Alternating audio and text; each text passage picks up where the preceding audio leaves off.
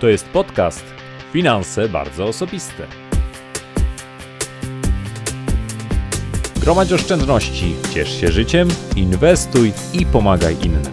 Ja się nazywam Marcin Ibuć, a Ty słuchasz właśnie audycji o zdrowym i sensownym podejściu do życia i pieniędzy. Zaczynamy!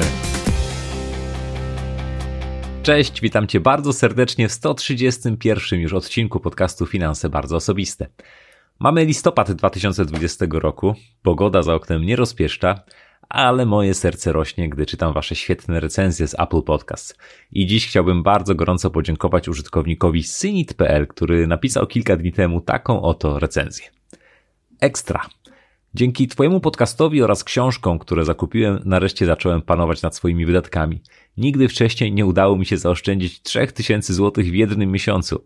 Tak, nie wydałem premii na głupoty. Nareszcie wiem, gdzie są moje pieniądze, nie martwię się, że nie wystarczy mi do ostatniego, po prostu przestałem się martwić. Marcinie, zmieniłeś całkowicie moje podejście do finansów. Kiedyś czułem się bogaty, mając co chwilę nowe elektrozabawki. W końcu zrozumiałem, że jestem bogatszy, mając pieniądze, które mi pomogą realizować cele i zapewnią bezpieczeństwo mojej rodzinie. Marcin, dziękuję Ci bardzo. Polecam Twój podcast, blog i książki każdemu bliskiemu z problemami finansowymi. Synit, jestem przekonany, że po takiej zmianie podejścia już wkrótce zaczniesz realizować swoje marzenia i zapewnisz rodzinie tak potrzebne bezpieczeństwo. Dziękuję Ci za recenzję i trzymaj się bardzo ciepło w tym listopadzie. A jeżeli Wy znajdziecie też chwilkę czasu i zechcecie mi pomóc w dotarciu do większej liczby słuchaczy, będę Wam bardzo wdzięczny za wystawienie takiej recenzji w Apple Podcast. Każda recenzja to kolejna cegiełka w naszej misji dotarcia do 15 milionów Polaków ze zdrowym rozsądkiem w dbaniu o finanse. A teraz zapraszam już bardzo serdecznie do wysłuchania podcastu o Kenie i Barbie. Ale nie o tych dziecięcych lalkach, tylko o ich dorosłych odpowiednikach, których całe mnóstwo widujemy w drogich samochodach. Serdecznie zapraszam.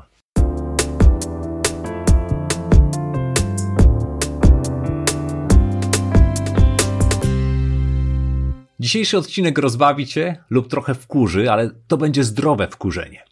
Jego treść bazuje na artykule, który opublikowałem na moim blogu już 7 lat temu. To było w grudniu 2013 roku. No ale ponieważ dotarły do mnie bardzo liczne historie osób, który, którym ten zimny prysznic pomógł obudzić się z takiego konsumpcyjnego amoku, to postanowiłem poświęcić mu wtorek z finansami, no tak, żeby dotrzeć z tą treścią do nowych osób.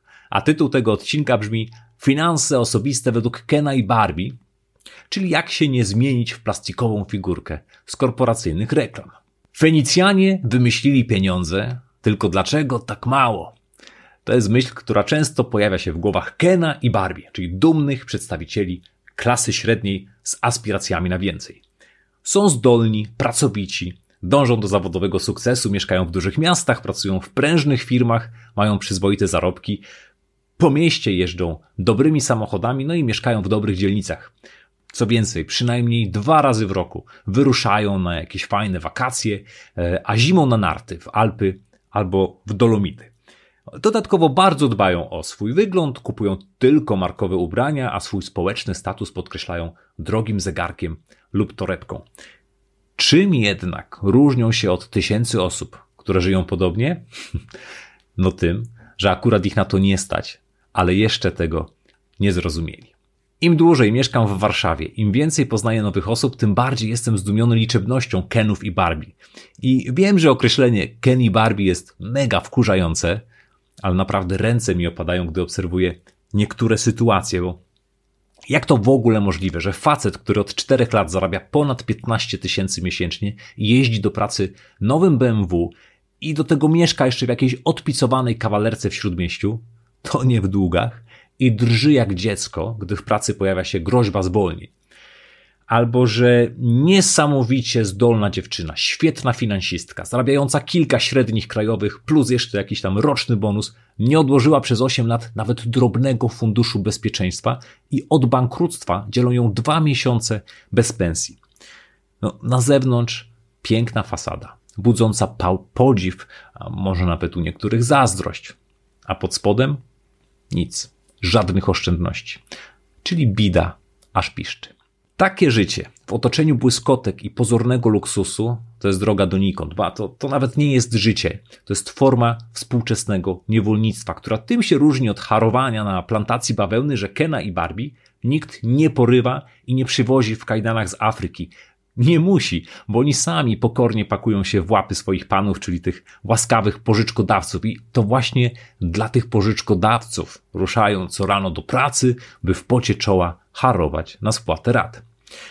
A wiecie co jest najgorsze? Że ich ciężko zarobione pieniądze i dodatkowe środki z kredytów są przeznaczane na pierdoły. Dlaczego tak jest? Co musi się dziać w głowach Kena i Barbie, że na własne życzenie pakują się w takie bagno? Dlaczego zachowują się jak niemowlę leżące w takim brudnym, starym pampersie, ale z błogą minką zdające się mówić wiem, że trochę śmierdzi, ale przynajmniej jest miło i ciepło. No i oto takie trzy najciekawsze wyjaśnienia, na jakie dotąd się natknąłem. Pierwsze. Jeśli chcesz być bogaty, powinieneś już dziś postępować tak, jak ludzie bogaci. No, przyznaj sam, że to jest prawdziwa perełka. Zdanie zaczerpnięte żywcem z poradnika motywacyjnego albo szkolenia Jak szybko zostać milionerem, które wyrwane z kontekstu służy jako usprawiedliwienie takiego bezmyślnego szastania pieniędzmi. To jest niesamowite, jak bardzo potrafimy zapętlić się w naszym myśleniu. Jasne, że warto już dziś postępować jak ludzie bogaci, ale nie bierzmy się za to od dupy strony. Bogaci właśnie dlatego są bogaci, że zamiast wydawać pieniądze na bzdury, trzymają się z dala od długów konsumenckich, potrafią oszczędzać i konsekwentnie inwestują. Inwestują w siebie, w aktywa finansowe, w nieruchomości, w biznesy. No, jasne, że kupują świecidełka, że kupują luksusowe przedmioty, ale za ułamek swoich oszczędności, a nie na limit z karty kredytowej. Także no, kiedy słyszę od zadłużonego po uszy kolegi, że jedzie na partyjkę golfa z równie zamożnym przyjacielem, to czasami aż chce mi się krzyknąć Ej Ken, obudź się, co ty chłopie wyrabiasz? Jest tylko jeden sposób, żeby działając w ten sposób zostać milionerem. Wcześniej trzeba być oczywiście miliarderem. Drugie często padające usprawiedliwienie. Żyjąc na pewnym poziomie, obracasz się w środowisku ludzi sukcesu, którzy pomogą ci w szybszym rozwoju kariery. No, brzmi to całkiem sensownie, ale nie wtedy, gdy ma stanowić alibi dla kolejnego zbędnego zakupu. No bo co to znaczy na pewnym poziomie? Naprawdę trzeba mieszkać w najlepszym apartamentowcu, żeby rozwijać się zawodowo? No i czym jest to środowisko ludzi sukcesu? Zazwyczaj są oni równie spłukani co nasz Ken i Barbie, więc harują też po 12 godzin na dobę po to, żeby spłacić kolejną ratę i cały chytry plan obracania się w środowisku bierze w ten sposób w łeb, bo środowisko jest wymęczone i nie ma ochoty na żadne spotkania. I pewnie dlatego sąsiedzi w apartamentowcach prawie w ogóle się nie znają. Szybciej, sensowniej przede wszystkim taniej można rozwinąć swoją karierę, kiedy nie ma się długów, a na koncie spokojnie procentuje nasz fundusz bezpieczeństwa. Nie mamy wtedy problemów z zaśnięciem, jesteśmy zrelaksowani, jesteśmy kreatywni, no i zamiast martwić się o zbyt dużą ratę, możemy poświęcić czas i energię na rozwój i nasze pasje.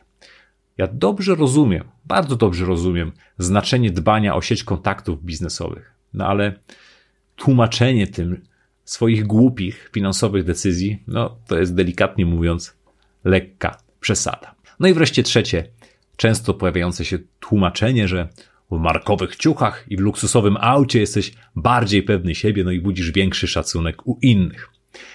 E, ten argument totalnie rozkłada mnie na łopatki. Także uwaga, ważna wiadomość dla Kena i Barbie.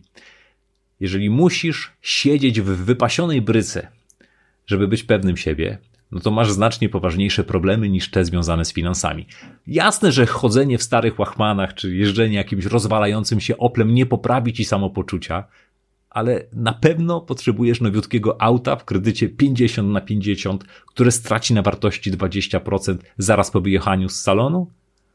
Naprawdę uważasz, że wzbudzisz więcej szacunku, bo spacerujesz z torebeczką Louis Vuitton? No to muszę cię rozczarować. Ludzi zupełnie to nie obchodzi. Jeżeli będą cię szanować, to z całą pewnością nie z powodu auta czy tej torebki. Powiem ci więcej. Nie musisz aż tak się przejmować opinią innych, bo większość z nich w ogóle o tobie nie myśli. a jeśli już, to przejmują się raczej Twoją opinią na swój temat.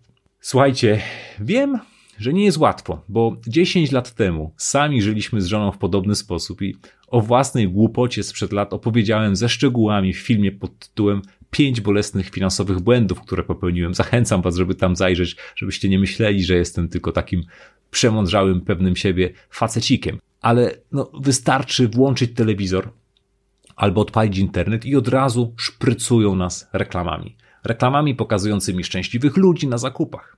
Kolorowe magazyny to jest jakieś 70% reklam i artykułów, które dyktują nam, jak być trendy albo jak być cool.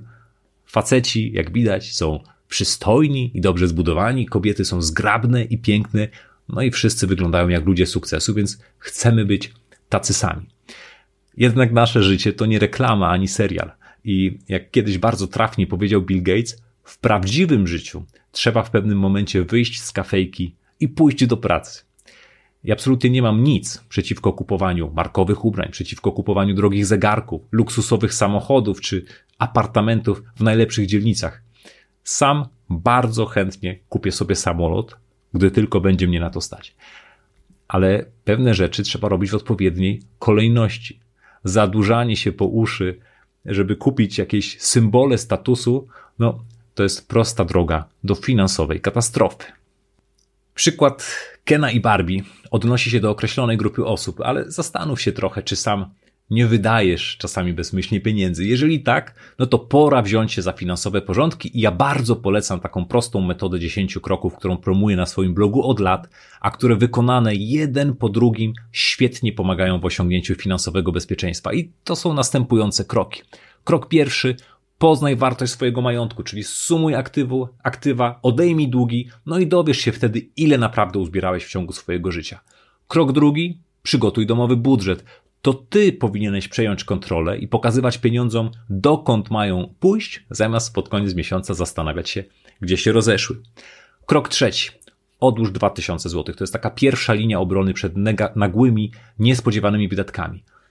Krok czwarty pozbądź się kredytów i pożyczek konsumenckich. Natychmiast po kroku w trzecim pozbądź się kredytów i pożyczek konsumenckich, bo one najbardziej drenują Twój portfel.